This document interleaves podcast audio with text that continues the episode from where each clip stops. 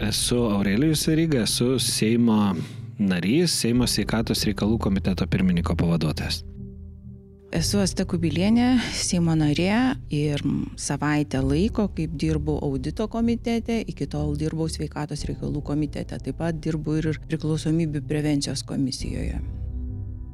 Sveiki visi, mano vardas Karolis. Dabar toks natūralus pirmas klausimas, e, kodėl pakeitėt sveikatos reikalų komitetą? Jeigu prieš tai kadenciją vadovavot, o dabar jau pakeitėt? Iš tikrųjų, man šiek tiek gaila, bet e, kiekvienas komitetas e, savai paugina, bet, kaip žinote, atsiskyrė mūsų frakcijos dalis, o pagal frakcijos dydį yra nustatomos kvotos. Ir jeigu mes turėjom tris kvotas, tai šiuo metu mes turim tik tai dvi kvotas ir kažkas turėjo išeiti iš to komiteto ir ir, ir, ir pasiliko tik tai du žmonės. Mm, supratau. Tai aš turbūt norėčiau mūsų pokalbį turbūt pradėti nuo tokių tolimesnių klausimų. Žinot, tas pirmas klausimas toksai visada kylantis. Nu, daug dalykų iš tikrųjų prisideda prie sveikatos apsaugos kokybės ir iš tikrųjų net tas sveikatos reikalų komitetas e, irgi ne viską priepia turbūt. Ar ne? Tas kiekvienas komitetas irgi turbūt savo turi tam tikrą rolę prie to, ten pradedant nuo švietimo galų galio vaikų ir, ir, ir baigiant tiesiog senolių užimtumu. Tai e, toks pirmas klausimas irgi yra apskritai kalbant, kokia yra vizija, taip individualiai paėmus, mediko Lietuvoje. Kokio mums reikia mediko ir gydytojo, sakykime, ir slaugytojo. Kaip Jūs galvojat? Nežinau, norėsite pradėti ar man pradėti? Kaip nori. Aš pirmą pradedu klausimą, tada pasikeisim. Iš tikrųjų, tai labai sudėtingas jūsų klausimas, todėl kad mes galim apie šiandieninę kažkokią viziją pakalbėti, bet jinai po, po poros metų gali būti pasikeitus. Nu, toks labai paprastus, paprastas gyvenimiškas pavyzdys, kad ir pati COVID pandemija, ar ne? Ir turbūt sutiksit, kad mes ir sveikatos sistemos struktūrą, jos organizavimą prieš porą metų įsivaizdavom vienaip. Ir medikų poreikiai arba kokių jų reikia, kokie jie turi būti dabar, įsivaizduojam šiek tiek kitaip. Bet bendraja prasme aš manau, kad Lietuvos medikai nėra kaip nors iškrentantis iš, iš tarptautinio ar pasaulinio konteksto ir tai, kad jie labai lengvai randa vietą, bet kur išvažiavę, reiškia, mes nesam kažkokie kitokie medikai, nerošiam jų kažkaip kitaip. Gal mes tik tai išsiskiriam, nu vieną tokį bent jau požymį, kurį galima identifikuoti, mes esam labai gydytojizuota sistema. Mes labai daug gydytojų turim ir, ir jiem labai daug darbų deleguojam, kurios puikiausiai galėtų daryti kiti žmonės, tos pačios slaugytojas ar ne, ar, ar kiti komandos nariai. Tai va aš, jeigu, jeigu taip labai bendrais bruožais nubrėžti, kaip kaip aš įsivaizduoju va tos specialistus ateityje, tai pirmiausia gydytojus, tokius, kurie dirba daugiau tikrai gydytojo darbą, yra mažiau apkrauti vidurinio personalo kažkokiam funkcijom ir gali tikrai daugiau gal laiko skirti ir, ir savo mokymui, įsitobulėjimui, sprendimų apsvarstymui, kažkokiam prieimimui ir panašiai. O vidurinis personalas arba slaugytojas, tai ar slaugytojai, nes jų aišku vienetai, bet būna vienas kitas, tai Manau, kad mes eisim tą kryptim, kurią pradėjom po truputį eiti, tai yra išplėstinės praktikos specialistai, kurie tikrai daug labai darbo gali padaryti ir ypatingai, kai susidurėm su, su gydytojo trūkumu, jie labai daug sistemos problemų įvairiausių galėtų išspręsti. Su farmacininkais tas pats, su kitais specialistais. Tai manau, kad jie yra geri, tik tai yra problemos su, su pačiu, sakykime, darbų, funkcijų paskirstimu. Mhm. Mano tada kitas klausimas, Asta, bus jums. O kaip galvojat, kas turėtų formuoti tą viziją tokio mediko? Na, iš tikrųjų, klausimas čia tikriausiai būtų iš dviejų dalių. Pirmas dalykas, kiekviena vyriausybė ateidama, jie atsineša savo viziją, kokia, kokia turėtų būti sveikatos apsauga, tame tarpe ir mediko vieta toj sveikatos apsaugoje. Tai mes e, atėję 16 metais iš tikrųjų e, parodėm savo matymą ir savo rūpestį e, medikais, pakeldami ženkliai darbo užmokestį, licenzijuodami visas profesinės kvalifikacijas, pagaliau primdami žalos be kalties modelį ir, ir, ir padarėm daug kitų dalykų. Iš tikrųjų būtų gerai, kad tą viziją šiek tiek daugiau formuotų ir patys medikai, gydytojai, slaugytojos ir, ir tada turėtume tikriausiai tą pilną vaizdą. Bet jeigu klausėte taip plačiaja prasme, kaip aš matyčiau mediko vietą ateityje, tai aš gal sudėčiau tokius tris akcentus. Pirmiausia, tai būtų aišku kompetencijos. Vienareikšmiškai medikas be kompetencijos, tai čia nelabai tikriausiai įsivaizduojama, tai tos kompetencijos tikriausiai būtų būtų tos profesinės kvalifikacijos, e, gilios kompetencijos, bet e, medikas jau šiandien nebėra toks, koks buvo prieš šimtą metų. Jis jau turi turėti ir tų taip vadinamų minkštųjų kompetencijų, tai yra m, mm, tokių kaip psichologija, vadyba, organizavimas darbo ir, ir, ir kiti dalykai, socialiniai klausimai. Mm, teisės klausimai, tai matyčiau tokį e, gydytojo vaizdą. Antra vertus, e, man ateities gydytojas, e, ateities medikas yra tikriausiai Na, leiskit pasakyti, šiek tiek ir mokytojas yra tas, kuris padeda ligoniui. Ilgą laiką pas mus buvo tai, kad, na, vos ne medikas yra kaltas, kad kažkas susirgo ir stebuklingai nepagyjo. Tai iš tikrųjų paskutiniu metu keičiasi šitą situaciją, kad gydytojai jau, jau, jau, jau šitą prisimto atsakomybę ir visuomenė tai supranta ir aš galvoju, kad tas yra labai svarbu. Dar trečias dalykas, kurį matyčiau, tai...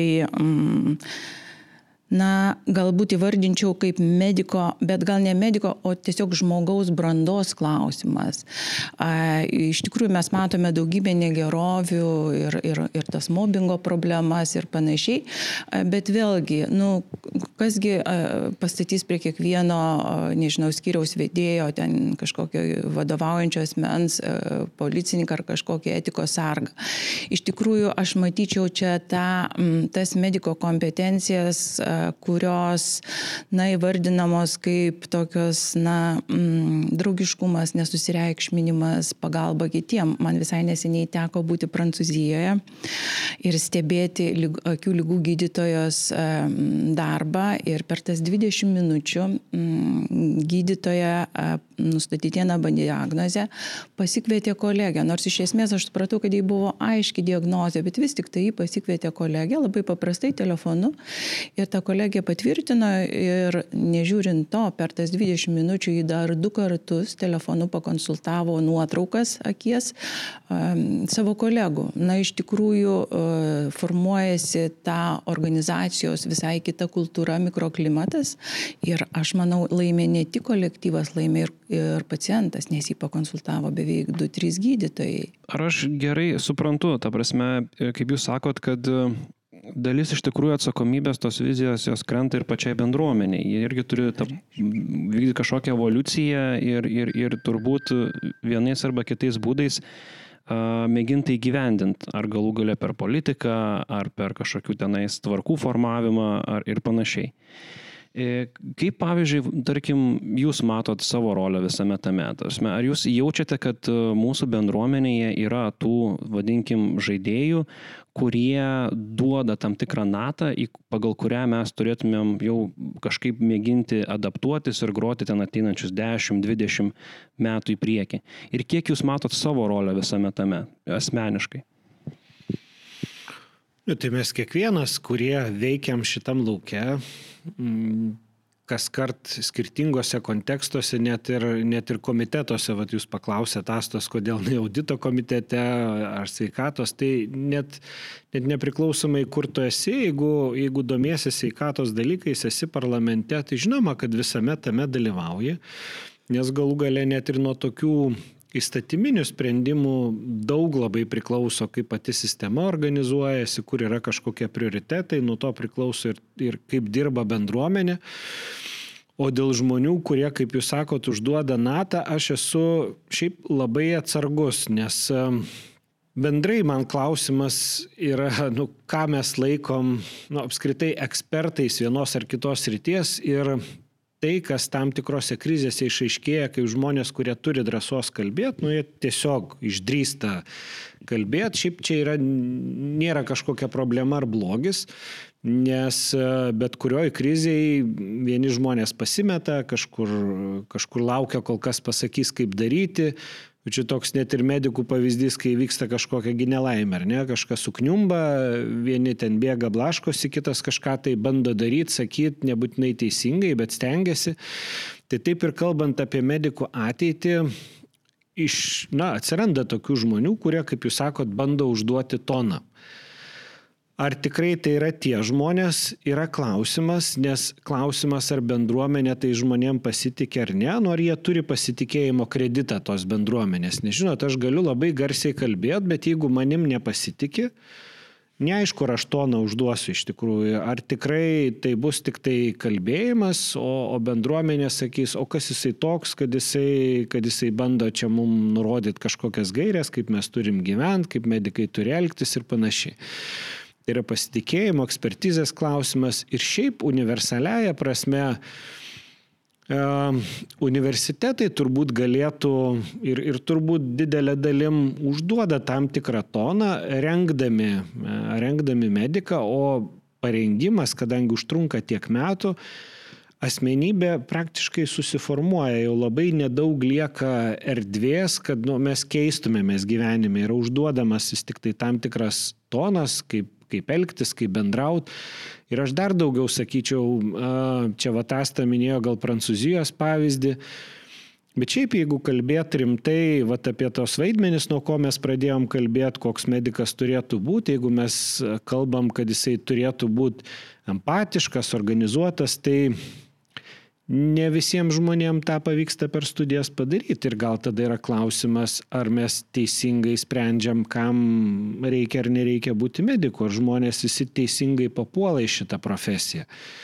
Nes nu, daliai žmonių tikrai yra sudėtinga būti empatiškais, ar ne, jie gal yra verslus, jie gal yra tikrai labai mokyti, gerai išmano matematiką, bet jam sunku yra vat, bendraujant su žmonėm ir, ir iš to paskui kyla problemų, kai jie tampa dėstytojais.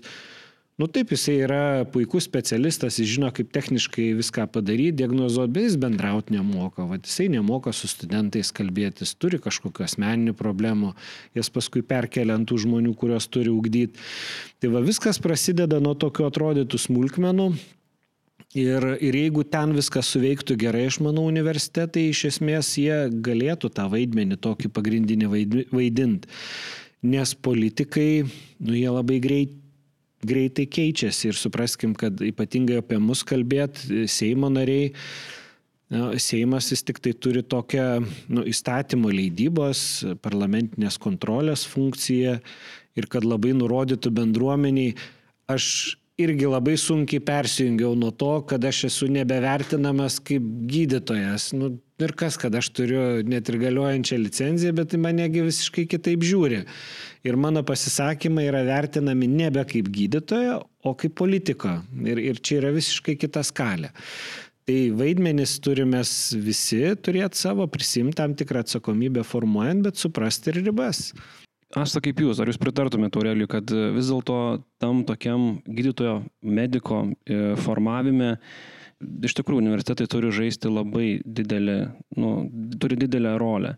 Ir vėl turbūt gal grįžtant prie to, kaip anksčiau vat, kalbėjom, ar ne, kad ir bendruomenė turi kažkokią tam rolę. Tai vat, kas tada pirmiau, višta ar kiaušinis? Ar bendruomenė turi pasakyti universitetui, ko mums reikia, ar universitetas pasakyti turi mums, kaip čia turi būti? Jeigu leisit, aš dar truputėlį vat, prie to pirmo klausimo, kalbėjo, apie kurį kalbėjo kolega Aurelius. Aš iš tikrųjų pirmiausia noriu pasakyti, kad uh, mes kitų pakeisti negalim. Mes galim pasikeisti patys. Ir tas labai yra akivaizdu, kai tu būni Seime ir matai, kaip čia viskas vyksta. Na, aš iš tikrųjų pritarčiau Aureliu, kad labai svarbu yra asmenybės vienareikšmiškai. Ir, ir pati Aureliu, kaip pavyzdį, jūs prisiminkit alkoholio kontrolės pataisas, kai mes priminėjom. Nu, tai e, iš tikrųjų nemažai parlamentarų palaikė, bet plojo per petį, o patys tyliai sėdėjo, nes spaudimas buvo milžiniškas. Bet džiaugiuosi, kad tokių žmonių yra ir kažkas tai atsilaiko prieš tai. E, bet jeigu kalbėti apie politikus, tai iš tikrųjų politikai, mano galva, gali padaryti nemažai.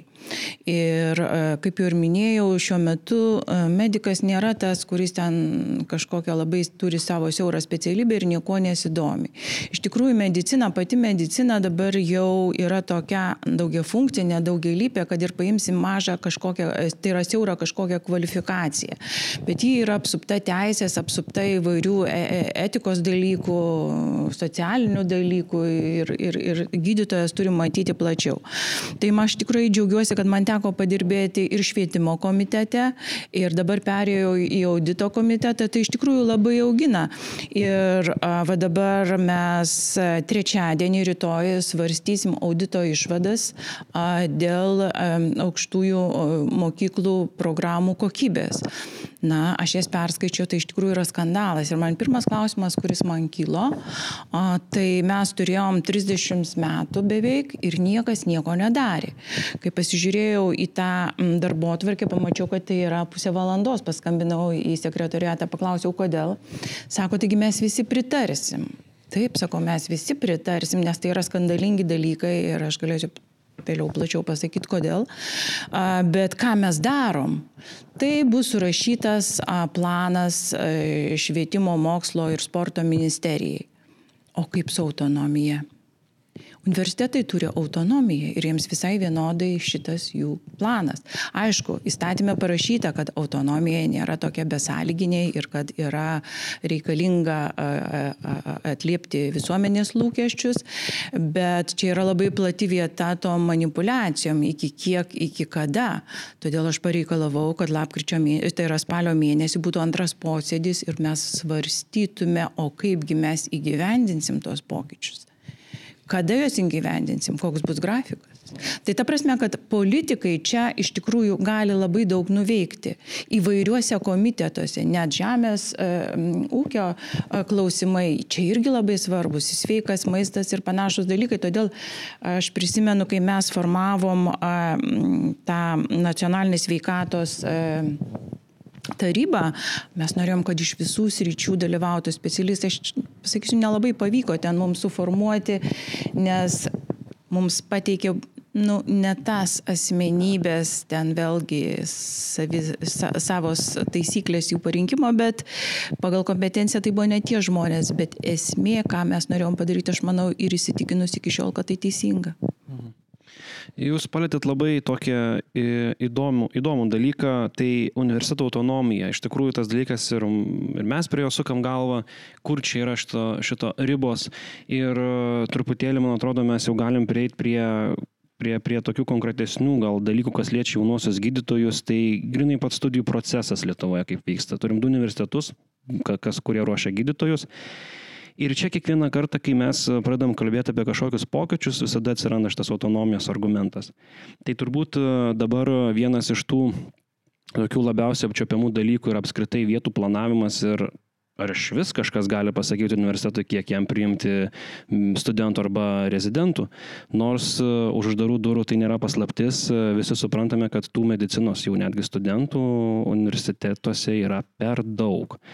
Tai kaip Jūs galvojat, nu, vat, šiaip Europos valstybėse rezidentūros vietos visur yra limituojamos, nes nu, tai yra tiesiog logiška. Bet kaip, pavyzdžiui, su medicinos studijomis, nu, mes galim pasakyti, kiek mes finansuosim krepšelių, bet universitetas gali nuspręsti, kiek jisai priims studentų. Tų studentų baigia daugiau negu reikia rezidentų ir mes turime skandalą kiekvienais metais. Kaip Jūs galvojat, kaip turėtų atrodyti tas nu, efektyvus apskritai gydytojų ir, ir turbūt slaugytojų planavimas? Aš manau, čia, čia yra labai geras klausimas. E, jokios problemos mes neišspręsim, tą sako vadyba, jeigu mes neidentifikuosim problemos esmės. Ir iš tikrųjų man tenka taip iš šalies stebėti, kaip universitetai puikiai naudojasi tą nuostatą autonomijos, tyliai šipsodamėsi, kada, na, sutikite ir jaunųjų gydytojų asociacija, žiūri į ministeriją švietimo, gydytojai, ligoninių vadovai, visi žiūri į švietimo ministeriją, klausdami, kodėl universitetai, na, netinkamai planuoja.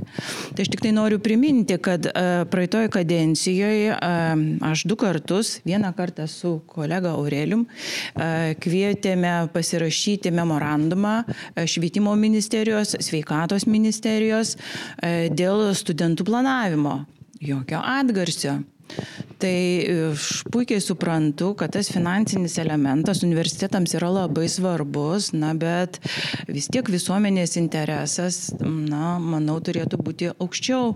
Bet vėlgi čia mes kalbame apie tuos, nu, žmogiškus dalykus, tuos brandos klausimus. Ir dar vienas labai svarbus dalykas, kada priimami į universitetą užsieniečiai, yra žemesnių pasiekimų, kaip taisyklė, bet jie atsineša didesnius pinigus. Ir kas blogiausia čia medicinos studijose, kad jie visi automatiškai pereina į rezidentūrą. Didelė dalis jų išvyksta. Va čia toks užburtas ratas, aš manau, universitetai turėtų matyti ne, ne tik tai šią dieną, bet truputėlį galvoti ir į ateitį, nes didelė dalis tų užsieniečių jie išvyksta. Vienas kitas pasilieka Lietuvoje, bet didelė dalis išvyksta, tai yra už mūsų visų čia sėdinčių ir kitų pinigus, jie išsimokslina ir išvyksta. Tai šituos pinigus mes galėtume skirti savo šaliai, savo šalies žmonėms, kurie ir čia pasilikę toliau dirbs. Bet ir tada galbūt tie patys universitetai turėtų didesnį e, finansinį krepšelį, nes jis čia būtų kuriamas toliau. Tuo tarpu, kaip ir sakiau, jie išvyksta ir mes tiesiog tos pinigus nu, padovanojam tam tikrom šalim. Šiaip užsienio studentai čia kaip taisyklė jie mokosi už savo pinigus ir, ir jie taip netgi Aš apie rezidentūrą kalbu. E, Rezidentūra jie gauna darbo užmokestį. Nu, ten dabar yra sujungtas. Pavieni jo rezidentai taip, kurie dirba, bet, e, bet nu, ta prasme, vėlgi, jeigu mes kalbame apie europinį kontekstą, mes negalime diskriminuoti. Jie gali pretenduoti, jeigu tik tais išlaiko ten lietuvių kalbos egzaminus, e, lygiai tas pačias vietas kaip ir mes, bet jo, kaip jūs ir sakot, tas kaip tik galbūt ir sukuria papildomą problemą, nes iš tikrųjų tai yra nelietuviams, ne, nelietuviai baigia medicinos studentai ir lietuviams reikia ieškoti vietų, bet iš tikrųjų mes ir lietuviams sukurti galimybę visiems, visiems o tų visų visų yra daug daugiau negu iš tikrųjų sistema gali pavežti kartu su užsienio studentais. Bet jie ir atvyksta su žemesniais pasiekimais, ką nurodo ir valstybės auditas. Jie įstoja su žemesniais pasiekimais, tai jau yra ir... Na, aš aplamai kalbu, čia dar, kaip sakyti, mes nagrinėsim komitete iš visus šitos klausimus, bet, bet pats principas, tai neturėtų šito būti. Aš manau, visi turėtume turėti vienodas teisės ir galimybės. Taip, tai žiūrėkit, aš gal nuo tos pirmos klausimo dalies pradėsiu dėl autonomijos. Visą laiką yra dvi medalio pusės. Ir um, neužmirškim, iš, iš kokio laikmečio mes esam netaip senai pabėgę, išėję, ne? Ir, ir ta autonomija turi savo logiką, turi savo prasme. Nu, kad neatsitiktų taip, kad valdžiai pasikeitus kas nors paims ir lieps kažką, kaip čia reikia dabar dėstyti, kokias tiesas reikia visiems čia išaiškinti ir panašiai. Tai autonomija gina tai, kad uh, Nu, negali tiesiog valdžia pasikeitus paimti ir nurodyti, kad dabar vat, tikėsit vieną religiją, bus viena partija, bus dar kažkokie tai reikalai. Tai, nu gerai, tas, tas autonomijos tam tikras elementas, jisai, jisai turi, sakau, savo logiką. Dabar dėl specialistų planavimo Vieną niuansą jūs vat užkabino, tai yra finansinį, vat kaip pastą minėjau, universitetam, na, tai yra naudinga finansiškai. Bet čia turbūt nebūtų taip labai sudėtingai išspręsti. Nu, galima susitart, koks skaičius, kiek reikia specialistų, tada vietoj tų, nu, sakykime, pačių mokamų vietų tiesiog garantuoti didesnį krepšelio apmokėjimą ir tada universitetas, aš manau, jam, jam ir paprasčiau galbūt, jeigu jis gautų tuos pačius pinigus, jis galėtų labiau gal ne į ne į kiekybę, o į kokybę investuoti, ar ne, studijų, tai ne, nebūtų tiek apkrauta, gal ir grupės mažesnės, gal geriau būtų paruošiami, tai ko gero, kad išeitų į naudą. Bet ar mes galim pasakyti, kiek reikia tų specialistų? Bet čia yra didysis klausimas. Ir aš pusę metų girdžiu, kad jų yra per daug, kitą pusę metų, kad jų yra per mažai. Ir, ir čia viskas priklauso nuo to, o ką vertini iš tikrųjų. Jeigu vertini dabartinę sistemą, kuri yra nesutvarkyta, nu tai kaip ir per mažai, nes kiekvienam kaime nėra ten visų specializacijų gydytojų. Ar jų ten reikia? Greičiausiai ne. Bet kol nėra sutvarkyta sistema, negali suplanuoti skaičiaus. Šitoks užburtas ratas yra. Jeigu jis būtų tikrai aiškus, būtų sistema jau stabili, tai tada gali tikrai garantuoti kažkokius pinigus, pasirašyti va tą memorandumą, susitarimą. O šiaip tai, nu, gal, gal tada teisybės dėliai nu, reikia studentam ir pasakyti nuo pirmo kurso, kad garantijos, kad jūs būsite rezidentūrai, nėra jokios. Norit stokit, norit nestokit. Tai bent, bet tą reikėtų pasakyti nuo pačio pirmo kurso, nes dabar žmonės turi lūkesti, kad jie pabaigę studijas visi eis į kažkokias tai rezidentūros studijas. Ir jeigu žinosi nuo pirmo kurso, kad labai gali būti, kad ir nebus tau, kas man atrodo šiaip keista ir kvaila, nes jeigu tiek metų atsimokai, tai o ką tada daryti? Važiuoti lauk ar, ar kažkokią kitą profesiją mokytis, nu, kas irgi nelabai, man atrodo, logiška. Tai galima suplanuoti, bet sakau, yra keli bet, kurie ištisai tą procesą užvelia. Ir, ir jie, juos kaip ir aišku, kaip išspręsti, bet visą laiką pritrūksta kažko, pritrūksta mm, sistemą tvarkant praeitoj kadencijoj kaip ir buvo priimta, užvetuota, viskas užstrigo, užsivėlė, dabar bandoma, bet, nu, neaišku, pamatysim, kaip bus. Hmm. Dabar čia tokių porą aš dar pastebėjimų uh, noriu pasakyti, tai jeigu ten grįžtant prie tos autonomijos, čia turbūt mes kalbam, kad vis dėlto yra skirtingi lygmenys to, tos autonomijos. Turbūt mes visi sutarsim, kad uh, autonomija turiniui tai yra ta autonomija apie kurią turbūt ir idėjiškai ir yra kalbama, kai sakoma autonomija. Bet kai mes tą dalyką supiname su autonomija ūkiniams reikalams, kokiems, net, pavyzdžiui, ten kiek priimti galbūt e, studentų ir panašiai, čia prasideda jau tam tikros detalės, nes tai yra jau mokesčių mokėtojų pinigai. Ir, ir, ir, ir dažnai va, tas yra suveliama į vieną dalyką. Ir aš atsimenu labai gerai, uh, tikrai vieną citatą buvusio laikinai einančio pareigas VU rektoriaus, kuris lygiai taip pat ir pasakė, prasme, autonomijos klausimu, kad nu, reikia atskirti šitos autonomijos savokas, nes autonomija turiniu tai viskas, taškas, prasme, tai turi kaip švietimo įstaiga tą privalo turėti. Bet visi kiti klausimai, kadangi tai yra, irgi, grįžtu sakau, prie mokesčių mokėtojų pinigų mes grįžtam, jie neturėtų pasilikti vien tik ties universiteto uždarų durų. Na, iš tikrųjų, aš, e, kadangi ruošiuosi trečiadienio posėdžiui, tai noriu pasakyti, kad įstatymė, e, kuris kalba apie autonomiją, yra truputėlį, na, plačiau pasakyta negu tai, ką jūs sakote. Galbūt taip turėtų būti, bet taip nėra. Ir kai skaitai tos punktus, jų ten ar 12 ar kažkiek, tai apima ir tam tikras veiklas. O jeigu ir neapima, tai tu gali įtarti, ten tokios formuluotės, aš čia nepasimėjau su savim, bet kad gali taip interpretuoti ir gali interpretuoti kitaip. Aš manau, vėlgi, na, gal aš kartojuosi, bet vis tik tai tai yra tam tikras, na, brandos klausimas. Ir jeigu tu esi šalies universiteto, nežinau, rektorius ar, ar ten vadovauju universitetui, tai vis tiek kažkaip turėtų būti garbės reikalas, kad šito universiteto darbai atlieptų valstybės poreikius, nes mums tada nereikalingas universitetas. Aš noriu truputėlį sugrįžti prie tos temos, ką mes kalbėjom. Man praeitam komitete dirbant, praeitoj kadencijoje teko matyti, kaip vyksta tas poreikio analizė. Tai kiekvienas rajonas parašo, kad jam reikia hematologo, kad jam reikia endokrinologo ir dar kažkokio jokių kitokių specialistų, nors ten tų paslaugų, nežinau, gal vieną kartą per savaitę diena ir visa diena būtų užpildyta tais pacientais, bet nedaugiau. Tai ką kalba ir Aurelius, tai tikriausiai turėtų būti pirmiausiai atlikta ta reforma, kad mes galėtume žinoti, kiek, kur, kokių paslaugų reikia ir pagal tai planuoti. Mes žinome, kad mums kai kurių specialybių trūksta, mes turėtume tikriausiai dar kalbėti ir apie tai, kad kai kurios specialybės, na, m, truputėlį yra to, taip išaukštinamos, o kai kurios, na, nu, nelabai čia svarbios tokios. Aišku, aš galvoju, kad tai yra šiek tiek ir mm, lyderystės klausimas, ypatingai ta lyderystė išaiškėjo pandemijos metu, kada stipresnės organizacijos ėmėsi lyderystės, infektologai iš pradžių taip truputėlį buksavo, kol, kol pradėjo savo išvalgas teikti, o jų išvalgos tikriausiai yra pačios svarbiausios. Tai va šitas klausimas klausimas, man atrodo, čia yra labai svarbu ir mes turime tokią ir kurortologijos svarbius dalykus, sveikatos atstatymo klausimus ir mes šitų specialistų tiesiog neturim.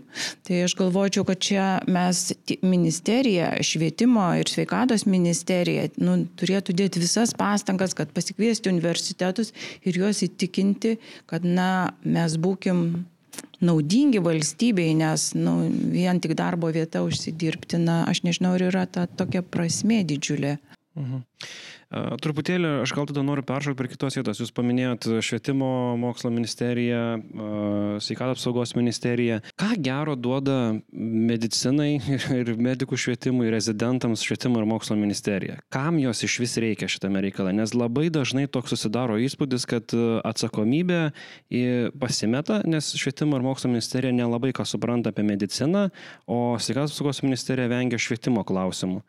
Ir nors tų precedentų Lietuvoje jau yra. Ta prasme, yra, sakykime, karo akademija, kurią yra perimus iš švietimo ir mokslo ministerijos, krašto apsaugos ministerija. Galbūt atėjo metas ir sveikatos apsaugos ministerijai apsijimti medikų ruošimą. Kaip Jūs galvojate? Geras klausimas. Nežinau, žinokit, ne, nebūčiau tom visiškai tikras, nes nu, vėlgi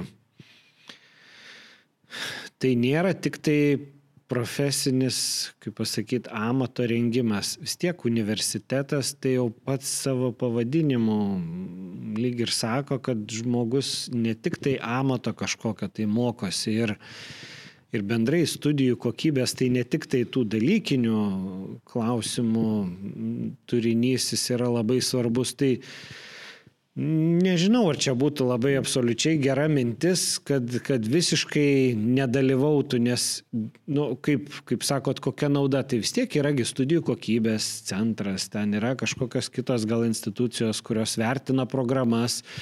Tai sveikatos ministerija, jinai netgi tokių kompetencijų nu, neturi, arba jai reikėtų tokias kompetencijas išsivystyti, kad jinai galėtų tą daryti nes dabar jinai neturi nei tokių žmonių, nei to, kas galėtų ten labai įvertinti, sakykime. Nu, keletas tokių įdomių faktų. Tada atskirkime medicinos studijas, tarkim, nuo rezidentūros studijų.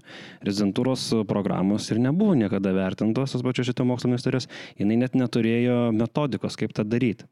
E, kitas variantas, ta prasme, niekas apart turbūt pačių universitetų geros valios neprižiūri rezidentūros bazių kokybės ir panašiai. Tai va tada ir gaunasi, galbūt, okei, okay, mes galim atskirai diskutuoti apie medicinos studijas, bet kai ateina rezidentų klausimai, tai tada jau nebeaišku, kas čia yra. Darbuotojas, kuris mokosi, mokinys, kuris dirba, kas čia yra.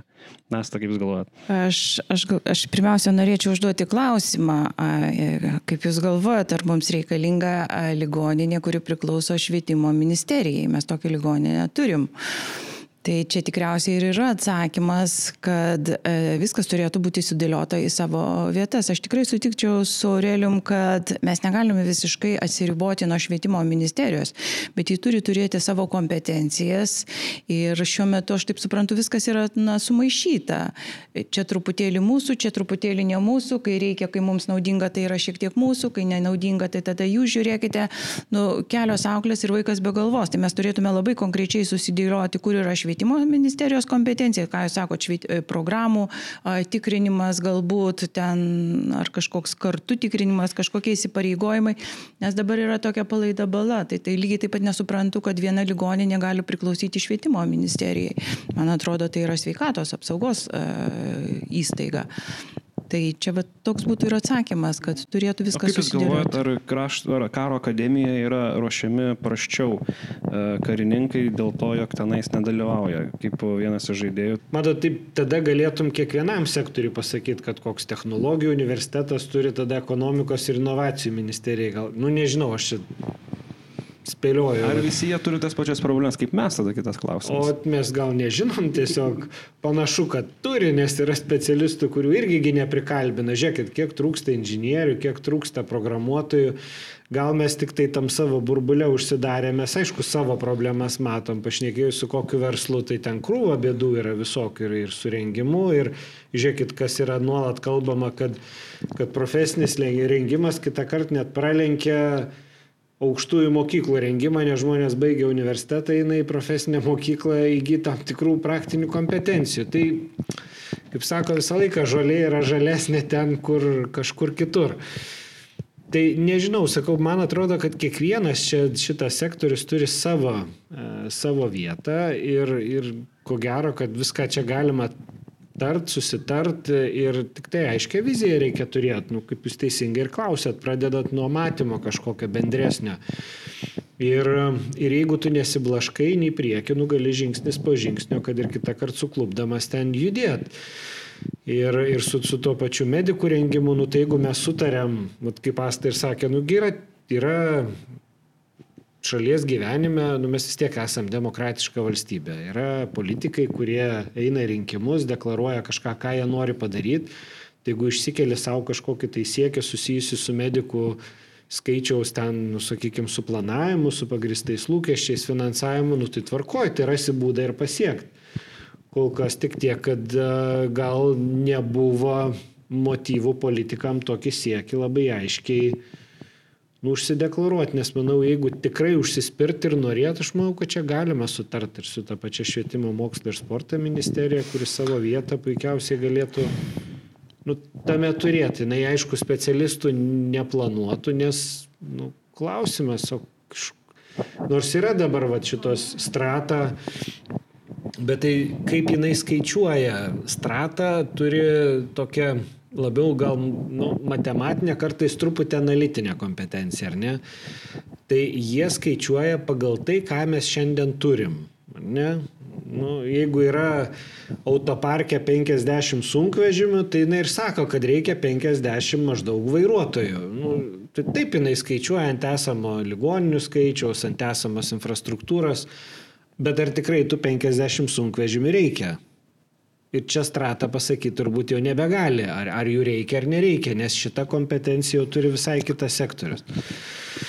Tai, nu, svarbus, bet man atrodo, draugaujant gali čia tikrai išsispręsti šitas reikalas. Jo, bet aš galėčiau dar papildyti, kad čia, mano galva, svarbus dar du momentai yra tas, na, taip vadinamas švagarystės principas a, ir pinigų paskirstimo principas. Na, vėlgi sugrįžtų, kodėl yra ta ligoninė Dėl to, kad įgauna didžiulį finansavimą iš švietimo ministerijos ir bijo, kad negaus to finansavimo. Bet jeigu sutvarkysi normaliai, sudėliosi viską kaip ir priklauso, tai tikriausiai čia viskas ir susitvarkys.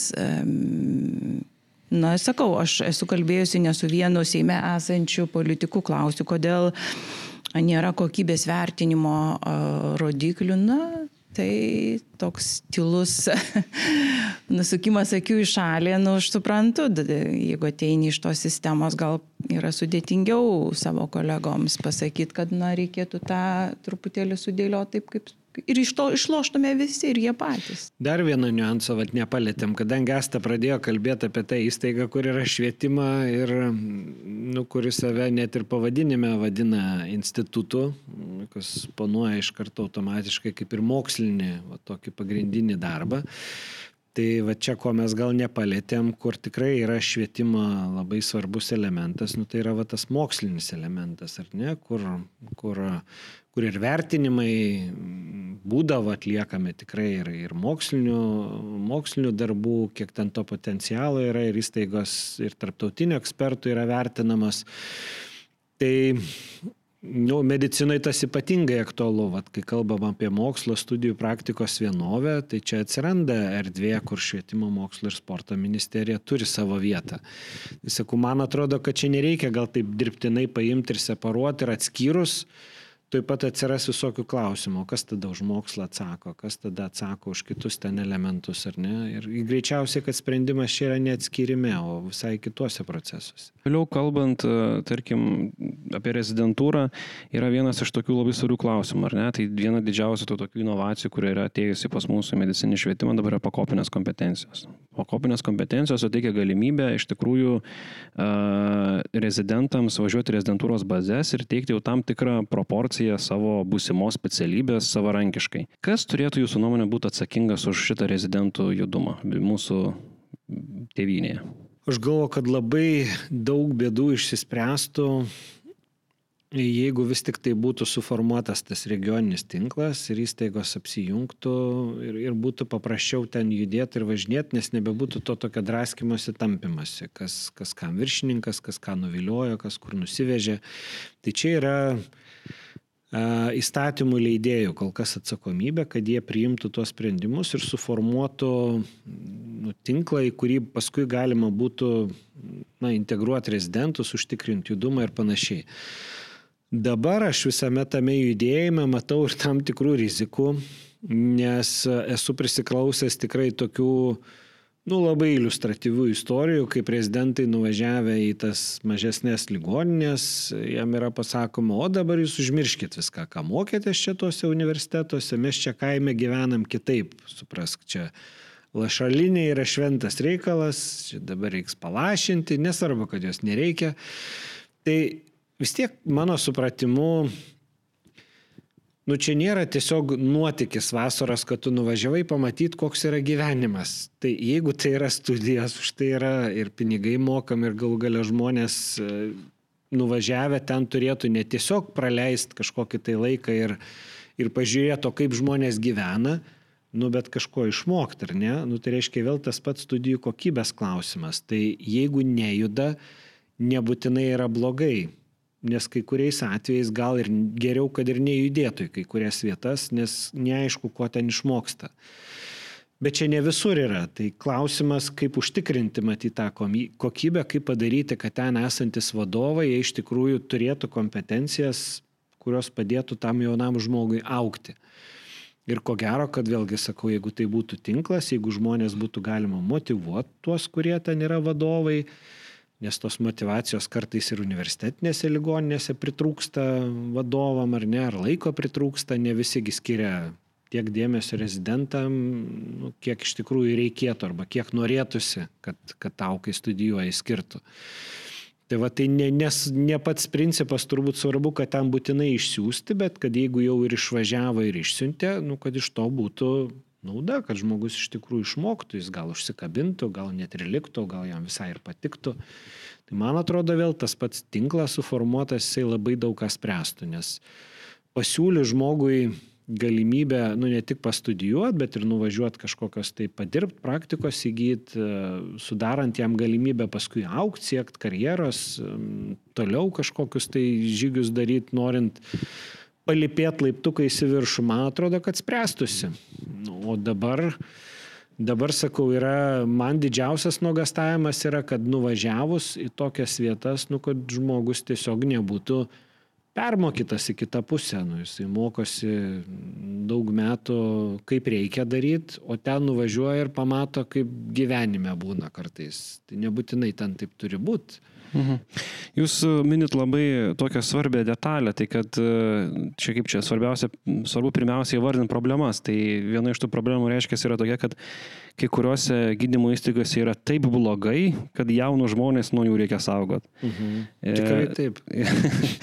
tai dabar tada tas vis tiek klausimas išlieka. Tai kažkokia kokybės kontrolė turėtų būti ir kas to turėtų užsimti. Nes aš jau kaip minėjau, švietimo ir mokslo ministerija tuo neužsijima.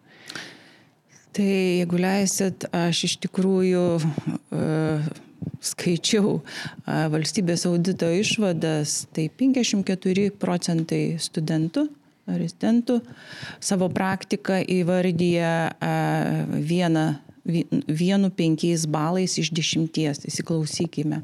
Vienu penkiais balų iš dešimties. Katastrofa. Visos dalyvavusios studentų organizacijos, dabar tiksliai nepamenu, berods devynios, a, savo praktiką a, studentų įvardino kaip a, blogą arba patenkinamą. Tai čia mes ir turim rezultatą. Aš manau, kad už rezidento ruošimą, jeigu mes kalbam čia apie medicinos studentus, Sako universitetas, jis ruošia, jis dar neparuošė savarankiškam gyvenimui, galbūt ten kažkokias tai kompetencijas, bet jis ruošia ir jisai turi atsakyti, jis, manau, jo garbės reikalas turėtų būti, kad studentas gautų tinkamą kvalifikaciją. Tam jis turi turėti tam tikras priemonės, tam tikrą klimatą, kolektyvą, paslaugų kiekį ir visą kitą. Aš tikrai pritariu, ką kalbėjo Aurelijos, nes e, jis dar nepaminėjo vienos, e, e, vieno dalyko, kad atvykus į kai kurias ligoninės ir man, ir, ir Aurelijui teko važinėti parojinus ne vieną kartą ir rasti tiesiog visą skyrių užrakintą. Ir tada šipsodamasi e, administracija sako, na, čia visi dabar kaip tik atostogų išėjo ir čia, kai tik tai grįž, mes atidarysim, sakom, kaip jūs gerai susitarė. Net vest nenori ten. Sako, jo, susitarė, susitarė su pacientais, kad jie vat, tą mėnesį nesirgs e, ir užrakina tiesiog visus skyrius, tai kai kur net paslaugų nėra ar ten, nežinau, gimdymo, ar, ar vaikų kažkaip, e, kažkokių lygų tai kaip galima ten siūsti e, rezidentą, kaip jis ten gali studijuoti.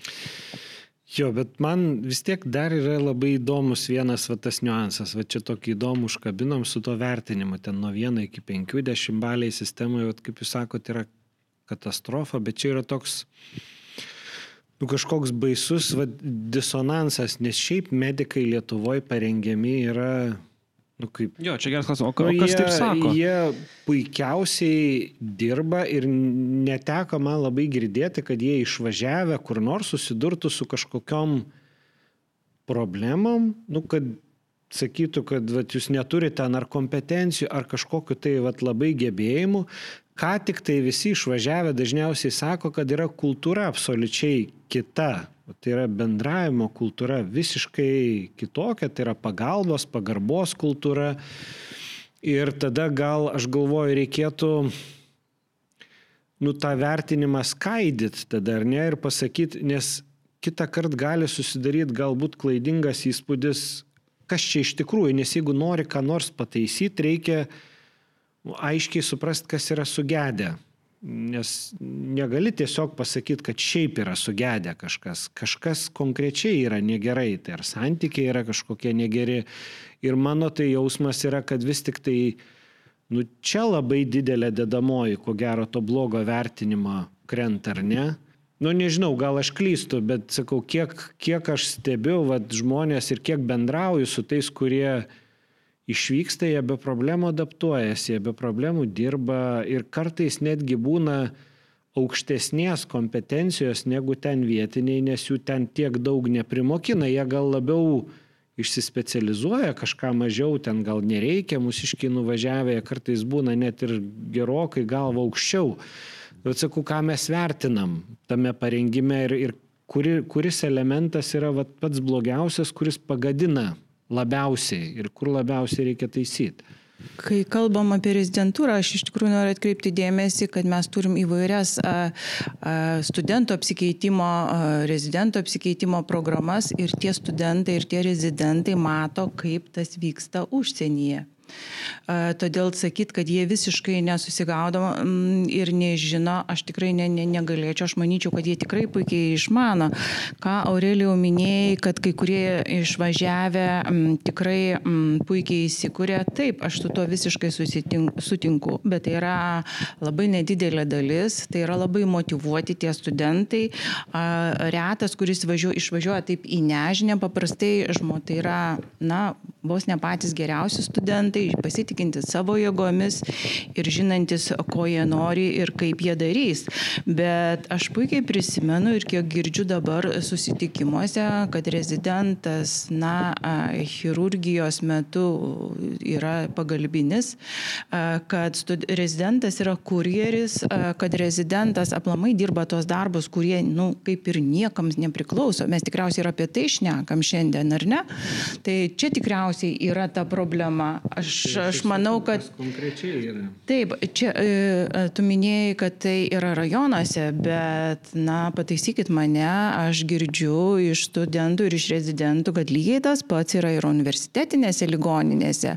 Tai čia mes tikrai negalim tų ligoninių apkaltinti, kad jos neturi kažkokios bazės, neturi um, kompetitingų uh, žmonių, kurie galėtų tuos studentus mokyti ar rezidentus, bet čia yra kiti dalykai. Čia vėlgi sugrįžtame prie tų minkštųjų kompetencijų, vadybos, darbo organizavimo, pedagogikos pagaliau, na ir žmogaus brandos klausimų, pagarbos vienas kitam, atjautos klausimo, empatijos klausimo. Na, vis tik noriu pasakyti vieną pavyzdį.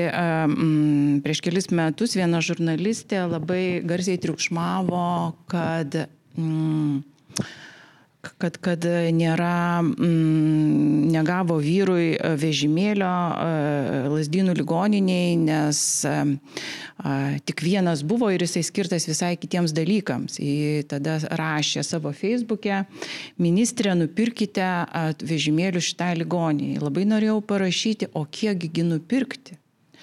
Jeigu žmogus neturi empatijos, tai ar jis turi šešis tuos vežimėlius, ar jis turi tris juos, jisai laikysis kažkokios instrukcijos ir jam visai bus tas pats. Tai čia vėlgi sugrįžtame prie to, kad tas empatijos jausmas rezidentui, pacientui, tai jis yra, na, ir, ir žmogaus brandos klausimas, jie, nu, jie yra labai svarbus. Mhm. Galų gale turbūt irgi mes grįžtam prie to paties, kaip jau kalbėjom, kad e, tos pačios rezidentūros jos nebuvo vertintos išoriškai, apart vidinių kažkokių galbūt vertinimų pačiuose universitetuose. Tai kaip pats esi ir kuriejas, ir savęs vertintojas, Taip negali būti. Tiesiog tai niekaip, nu, tas nesusijęs su gera valdysena. O kitas turbūt dalykas, kad e, tai, ką dabar valstybės kontrolė, žodžiu, pasakė garsiai, visiškai sutampa su tuo, ką mes esame irgi darę savo apklausose, tiek jaunų gydytojų asociacija, tiek uh, LIMSA. Ir, ir, ir tai yra nieko nuo tiesiog iš kito šaltinio iš esmės. Tai, tai vad būtent ir tada grįžtam vėlgi prie to paties klausimo nu, vat, sakau, mūsų yra per daug, mes susigrūdė, ne visada gauname tai, ko reikia per rezidentūrą, mus labai išnaudoja tiems nekvalifikuotiniams darbams per, per pačias rezidentūras, nes už mus mokėti nereikia, sumoka sveikatos saugos ministerija, skilės personalų užkamšame nuo pagalbinio darbuotojo iki gydytojo. Tai Vėlgi tada, o kas nutiktų, jeigu tas rezidentas turėtų teisę, pavyzdžiui, pasirinkti, jeigu taip su elgiamas yra universitetiniai ligoniniai, galbūt yra ne universitetinių ligoninių, kur jisai gaus e, tą tik, tus tikrus įgūdžius, tas tikras patirtis su pacientais, e, kurį labiau vertins. Ar jis turėtų teisę pats tą pasirinkti? Aš manau, čia yra šiek tiek slidus klausimas, nes nepamirškim, kad ir lygiai taip pat kaip tų dėstytojų, lygiai taip pat ir tų studentų ir rezidentų yra įvairių. Yra, kurie a, tikrai nori labai daug išmokti, o yra, kurie nori gauti diplomą. Tai nepamirškim to. Tai aš galvoju, kad a, galbūt ir būtų galimas toks variantas, bet aš vis tik tai matyčiau, kad tai būtų universiteto klausimas, e, jo garbės reikalas, kad jų universitete a, dėstytų tik ypatingi žmonės. Na, iš tikrųjų, mes ir viešoje erdvėje matom universitetą universiteto prorektorių pasisakymus, nu, kurie net laiko jokios kritikos ne tik medicininiais klausimais, bet ir etikos klausimais, kada yra apkaltinama, kad ten nusižudė žmogus dėl, dėl, dėl vadovo, puikiai mes suprantam, kad, nu, ir paskui išaiškėjo, kad šeimoje problemos, bet, nu, bet visi tie dalykai jie dedasi ir, ir, ir jeigu yra dėstytojas toks, Tai ir paruošimas yra toks. Aš galvoju, čia universitetai turėtų daugiau investuoti ir labai atsirinkti tos žmonės. Ne kiekvienas puikus medicas gali e, dėstyti. Tam reikia, nu, truputėlį kitų kompetencijų.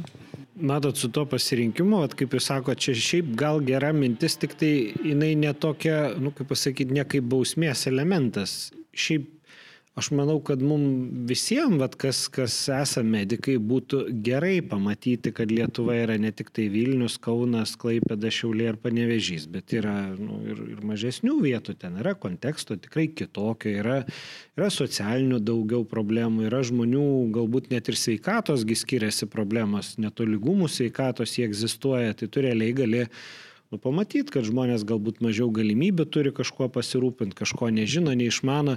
Tai ne bausmės elementas bet tam tikras praturtinimas manęs kaip specialisto aš pamatau tiesiog daugiau konteksto esu geriau pasiruošęs kažkur kai reikės važiuot dirbt. Galų gale sveikos konkurencijos.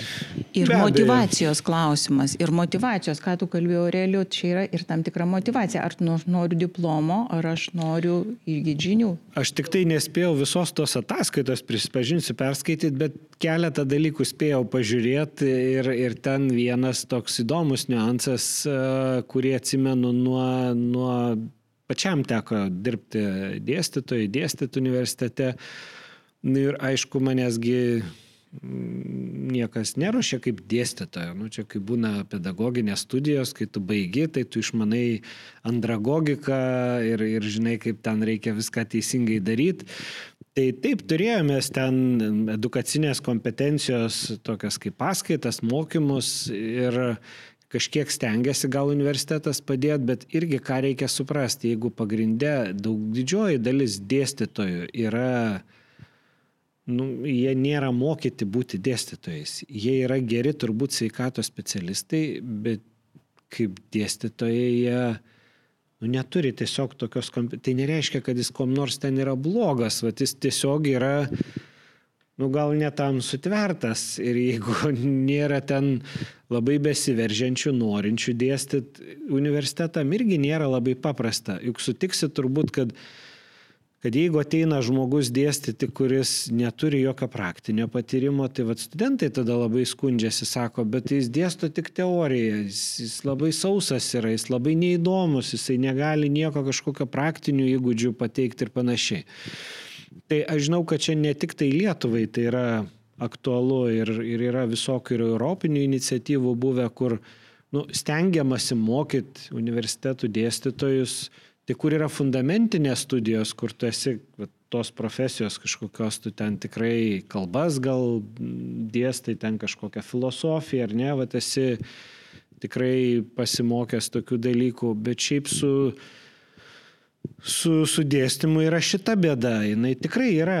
Ir, ir tą studentaigi labai atvirai vert, ir vertindami bendrai apskritai studijas, ir apklausose universitetų vidinėse yra įvardinę. Ne vienas dėstytojas yra iš darbo tokiu būdu iš, išliekęs, iškeliavęs. Nu, jeigu neišeina visai, nesigauna, tai mes truputį paaugom, nu atsirado tos šiek tiek kultūros, jinai nėra visiškai tokia kaip gal vakarų universitetuose, bet po truputį tie elementai prasideda, pradeda atsirast, gal juos tiesiog skatinti reikia, kad daugiau būtų tokio vertinimo. Aš tada perėsiu prie kito klausimo, tokio jau labiau praktiškai užčiuopiamo e, rezidento atlyginimai. Tai kiekviena, kiekvienais metais e, tai gaunasi tokia vėlgi e, karšta tema dėl to, jog rezidento atlyginimai nu, yra kitokia tvarka nustatinėjami. Kaip Jūs galvojat, e, ar tas dabartinė tvarka rezidento atlyginimų yra nu, tai geriausia, kokią mes galim turėti. Nežinau, ar geriausia. Man kas tik tai nepatinka, kad kasmet tai turi būti tokių politinių batalijų objektu. Man šiaip visai ir, ir logiškas atrodė ir, ir tikrai kaip pasiteisinęs mechanizmas čia ne dėl rezidentų, bet bendrai dėl, dėl medicinos specialistų darbo užmokesčio apmokėjimo, va ta šakos sutartis, kurią dabar jau čia vėl kritikuot, ne va tai pradeda, kad jinai netikusi kažkokia ar panašiai. Bet tai buvo aiškus kažkoks susitarimas, nu susitari, tai čia gali ginčytis, užtenka, neužtenka su MMA, su VDU, su dar kažkuo tai susijęt. Bet aš galvoju, kad ir rezidentų atveju nu, turėtų būti kažkoks mechanizmas, kad nereiktų kasmet ten ginčytis ir laužyti iečių ir, ir įrodinėti, kad aš čia labiau myliu rezidentus ar ten esu labiau už juos ir, ir, ir taip toliau. Nu, pažiūrėsim, kaip čia tie, kurie labai sakė, reikia čia pakelt, nežinau, 200, 300, 500 procentų. Turi šansą dabar tą padaryti, žiūrėsim, ar darys. Bet čia toks yra, aš kaip sakau, pasirodymo šou elementas, nu kas daugiau pasiūlės, kai nereikia priimti sprendimą. Tai šiaip būtų gerai, kad, kad nereiktų taip žaisti ir kad atsirastų kažkokia, aš negaliu pasakyti, kokia būtų gera tvarka. Nu, manau, kad būtų sąžininga ją ir aptart su, su rezidentais, susėdus, tai neturėtų iškrist kažkaip iš bendro konteksto, peršokti, perlipti, sakykime, gydytojų, kurie jau turi ten patirtį. Tai va, tai, bet čia vėl yra tam tikras principo kažkoks elementas, ar ne, kad, kad tada bent jau turi viršyti slaugytojų, kaip jūs sakote, ar ne, nes vis tik tai rezidentas tai jau yra gydytojas. Nu, jisai turi diplomą, jis yra medicinos gydytojas, tai jau nebe, nebe vidurinis medicinos personalas ir galėtų tai būti, nu, pavyzdžiui, kokie, nežinau, trys ketvirtadaliai ten gydytojų arba, arba trečdalių daugiau negu slaugytojų ten pagal šakos tą sutartį sutarta. Nu, kažkokį va tokį principą aptarti ir paskui jo laikytis, kad čia nereiktų kasmet ginčytis. Čia o kaip Jūs galvojate, kodėl to dar nėra? Ar dėl to, kad rezidentai nestoja profesinės sąjungas ir jos tiesiog, kai derėsi dėl šakos kolektyvinės sutarties, užmiršta šitą nu, gal ir grupę taip. žmonių? Gal ir taip, bet šiaip tai jūsų man ir tas klausimas, vat, kas tai yra, ar, ar dirbantis studentas, ar besimokantis gydytojas, nu, jis toks nu, geras klausimas, nes, nu, mano supratimu, tai yra besimokantis gydytojas ir, ir šiaip ir diplomas tą patvirtina, čia mhm. nediskutuoti. Galų galia patys rezidentai dirba taip. ir antruose, trečiuose darbuose nu, su taip, būtent. Būtent ir, ir manau, kad Nu, gal ir, ir profesinė sąjunga, jeigu tokia atsirastų. Tik aišku, paskui vėl išeitų jie iš to. toks, toks gal daina be galo būtų. Vieni ateina, kiti išeina, kaip iš studentiškų organizacijų nežinau koks čia geras mechanizmas bet man atrodo logika geriausia būtų tokia kad sutari dėl kažkokio tai tikslo susitari politiniam sakykim tam politiniam keturių metų sezonui susidėlioji kažkokias gaireles ir tada judi į tą pusę tada nereiktų ten ginčytis kasmet dėl biudžeto mhm. Mes jums neatsibodo ginčytis dėl prezidento atlyginimo. Ne, aš tai vis tik tai palaikau Aureliu, bet aš galvoju, kad mm, vis tik tai turėtų būti tas principas išlaikomas, kad antrų metų rezidentas turėtų gauti daugiau negu pirmų metų, trečių metų daugiau negu antrų metų rezidentas, gydytojas daugiau negu rezidentas. Aplamai, jeigu žmogus turi daugiau kompetencijų, ilgesnį stažą, e, manau, tas yra labai svarbu medikui ir jeigu turi tam tikrus pasiekimus, ten kažkokį mokslinį laipsnį ar kitus dalykus, tai turėtų gauti daugiau. E, dabar finale padarysim tokį blitz raundą. E, keletas klausimų iš mūsų narių. E, tai e, tiesiog aš pamėginsiu juos suformuoluoti tiesiog labai paprastai, kad nu, jūs galėtumėte ir greitai atsakyti taip arba ne. E, žodžiu, Kamilė klausė, ar reikia Klaipėdoje dar vienos universitetinės ligoninės, dar vieno universitetinio centro, trečio universitetinės, ne universiteto centras, kur tiesiog kaip dalininkas yra universitetas, manau, kad reikia, bet daugiau dėl to, kad ten turi būti tiesiog sutvarkyta sistema, įstaigos apjungtas. Aš irgi pritarčiau, nes šiandien, kur buvo patiktas įstatymas, na, tai jis net laiko jokios kritikos. Bet tai yra tikrai nutolęs regionas ir, ir, ir tikrai ten turėtų būti. Mhm. Kristina klausė, ar nereikėtų ilginti, ar reikia ilginti apskritai rezidentūros programas ir ypatingai šeimos gydytojų rezidentūros programą? Aš suprantu, kad taip, nu bent jau tokius argumentus girdėjau iš, iš medikų, kurie buvo profesionalai savo srities, nes viskas sudėtingėja, vis daugiau turinio atsiranda, daugiau kompetencijų reikia, o to nesukiši. Jau ir dabar skundžiasi, kad per daug perkrauta yra. Matyt, kad reikia. Aš tai tikriausiai diskutuočiau dėl šito klausimo, nes kartais tai, ką mes girdim Lietuvoje, viskas netitinka tai, kas yra užsienyje. Mes žinom, kad kai kur bakalauro studijos užsienyje trunka, aš kalbu ne apie mediciną aplamai tikrai trumpesnį laiką ir jie išmoksta daugiau negu Lietuvoje, tai iš tikrųjų reikėtų diskutuoti ir turėti tarptautinę patirtį ir tada spręsti.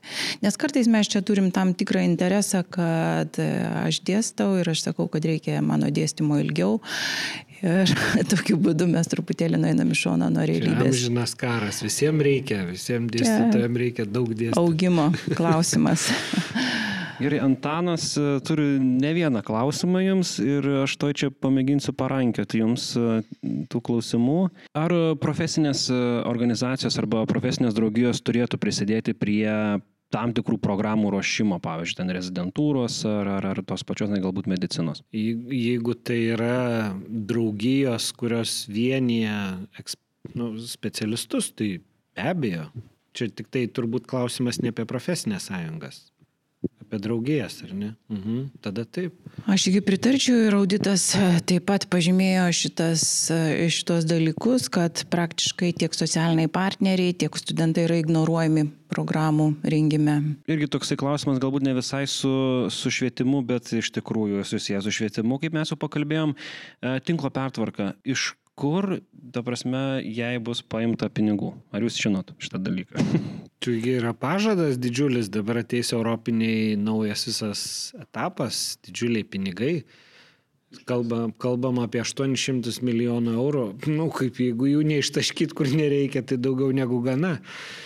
Tik tai, nu, nereikia kosminių stočių mm, statyti, kaip sakoma, Klaipėdoje universitetinė ligoninė. Nu, tai vien jai gali prireikti tokių panašių pinigų. Aurelijau, tu šneki, bet aš nežinau, ar tu tikrai žinai, kokie uh, valdantieji planuoja tą reformą, nes kiek žinau, nei rajonėms ligonėms, nei mums komitetės sveikatos nepavyko išsiaiškinti, kokia bus ta reforma.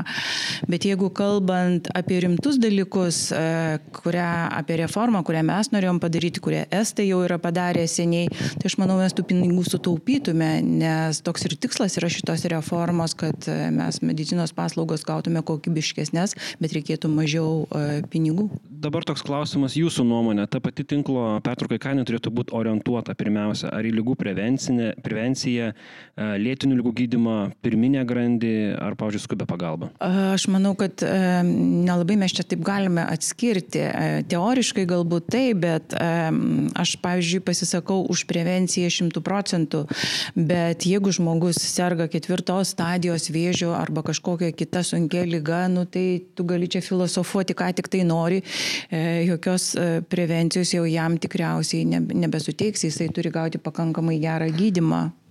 Ir aš manau, kad taip dirbtinai atskirti mes negalėtume. Manyčiau, kad visuomenė, sveika visuomenė tikriausiai ir reikėtų nukreipti prevencijos linkme. Ką aš pradžioje kalbėjau, kad gydytojas čia tikriausiai turėtų būti tas patarėjas, galbūt mokytojas, kaip sveikai gyventi ir kaip išlikti sveikam.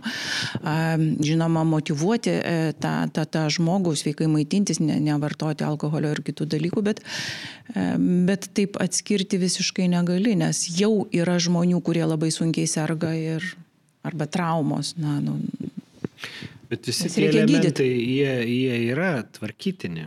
Greitoji pagalba yra suplanuota neaišku, ar bus padaryta. Nespėjom, mes, mes nespėjom, iš tikrųjų, COVID sutrukdė, slaugos globos integracija yra suplanuota daugiau mažiau aišku. Kas yra neaišku, tai yra ligoninių tinklo pertvarka ir formavimas ir yra tokių tikrai nu, liūdnų ženklų dėl to pirminio ir antrinio lygio jungimo vat, siūlymų, kur tikrai būtų žingsnis labai labai didelis atgal. Bet šiaip tai jie visi svarbus, vat, kaip Asta sako, nu, kol tu nesergi, tai prevencija yra svarbu, bet jeigu sergi, tai tuo metu reikia specializuotas pagalbos, irgi turi veikti gerai. Mm. Dar, dar toliau Antanas klausė, toks vat, irgi įdomesnis klausimas. Jūs vis tiek turit nemažai patirties jau kalbant ir apie apskritai sveikatos apsaugos biudžetą. Tai toks klausimas, ar ateityje užteks to, ko mes turim šiandien, kalbant apie PSDF ir apskritai šitą finansavimo sistemą? Užteks kam? Sveikatos, sveikatos apsaugai kaip tokiai, kurios, nu, tarsi mes žinome, kad kaina vis kyla su kiekvienais metais. Aš galiu pasakyti, kad iš tikrųjų iš tą klausimą atsakyti labai sunku, žiūrint, kokią mes turėsim mediciną.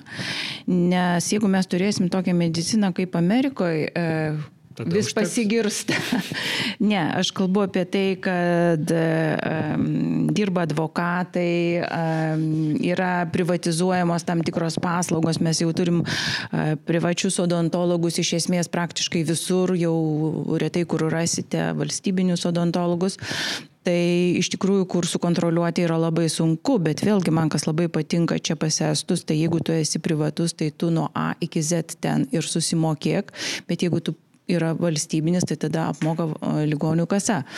Tai žiūrint, kokį mes modelį ateityje turėsim. Bet kad jų trūks, tai, tai tikriausiai ateityje trūks. Nu, viskas priklauso nuo, kaip pastas sako, nuo pasirinkimo, kokią mes sistemą norėsim turėti. Jeigu mes rinksimės tą skandinavišką vadinamą sistemą, jinai brangiai kainuoja, nu, brangiai yra, reikia daug viešų finansų perskirstyti. Čia pasirinkimo reikalas, o jeigu bus užvestas mechanizmas, kad žmogus ten labai už viską prisimoka, tai gal ir užteks, bet aš tikrai nesu tokios sistemos šalininkas, nes labai daug sveikatos netolygumų sukuria. Ir tai paskutinis tai mano klausimas, ar jums ko palinkėtumėt jauniesiems gydytojams? Nu, aš tai palinkėčiau gal tiesiog neprarast to entuzijazmo, kurį jūs turit ir, ir tegul ir kaip jūs kritikuoja, aš gerai atsimenu save, kaip, kaip buvau studentas, kai, kai buvau studentiškose organizacijose, mes visi šitame etape būnam maksimalistai. Mes norim greitai, norim iš karto. Bet čia nėra kažkoks minusas, tiesiog supranti, kad šitam gyvenimo etape norisi viską maksimaliai gerai padaryti ir jūs esat variklis, kuris kartais tuos, kurie mes esam gal jau šiek tiek sulėtėję, aptingę, stumtelėti prieki, bet taip pat palinkėčiau nu, iš tikrųjų klausytis, nes ne viskas, kas yra žmonių, nu, kaip pasakyti, turėjusių tokių neigiamų patirčių, kas yra sakoma, ne viskas yra blogai. Jūs irgi galit kai kur išvengti tam tikrų klaidų arba gal sutaupyti tiesiog laiko.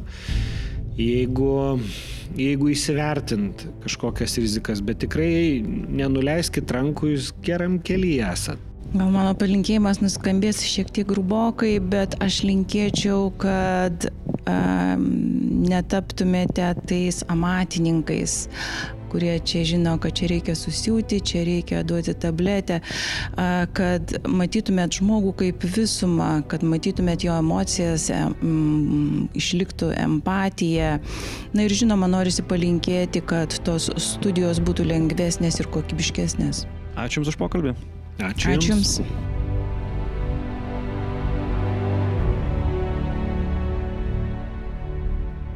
Ačiū visiems klausiusiems.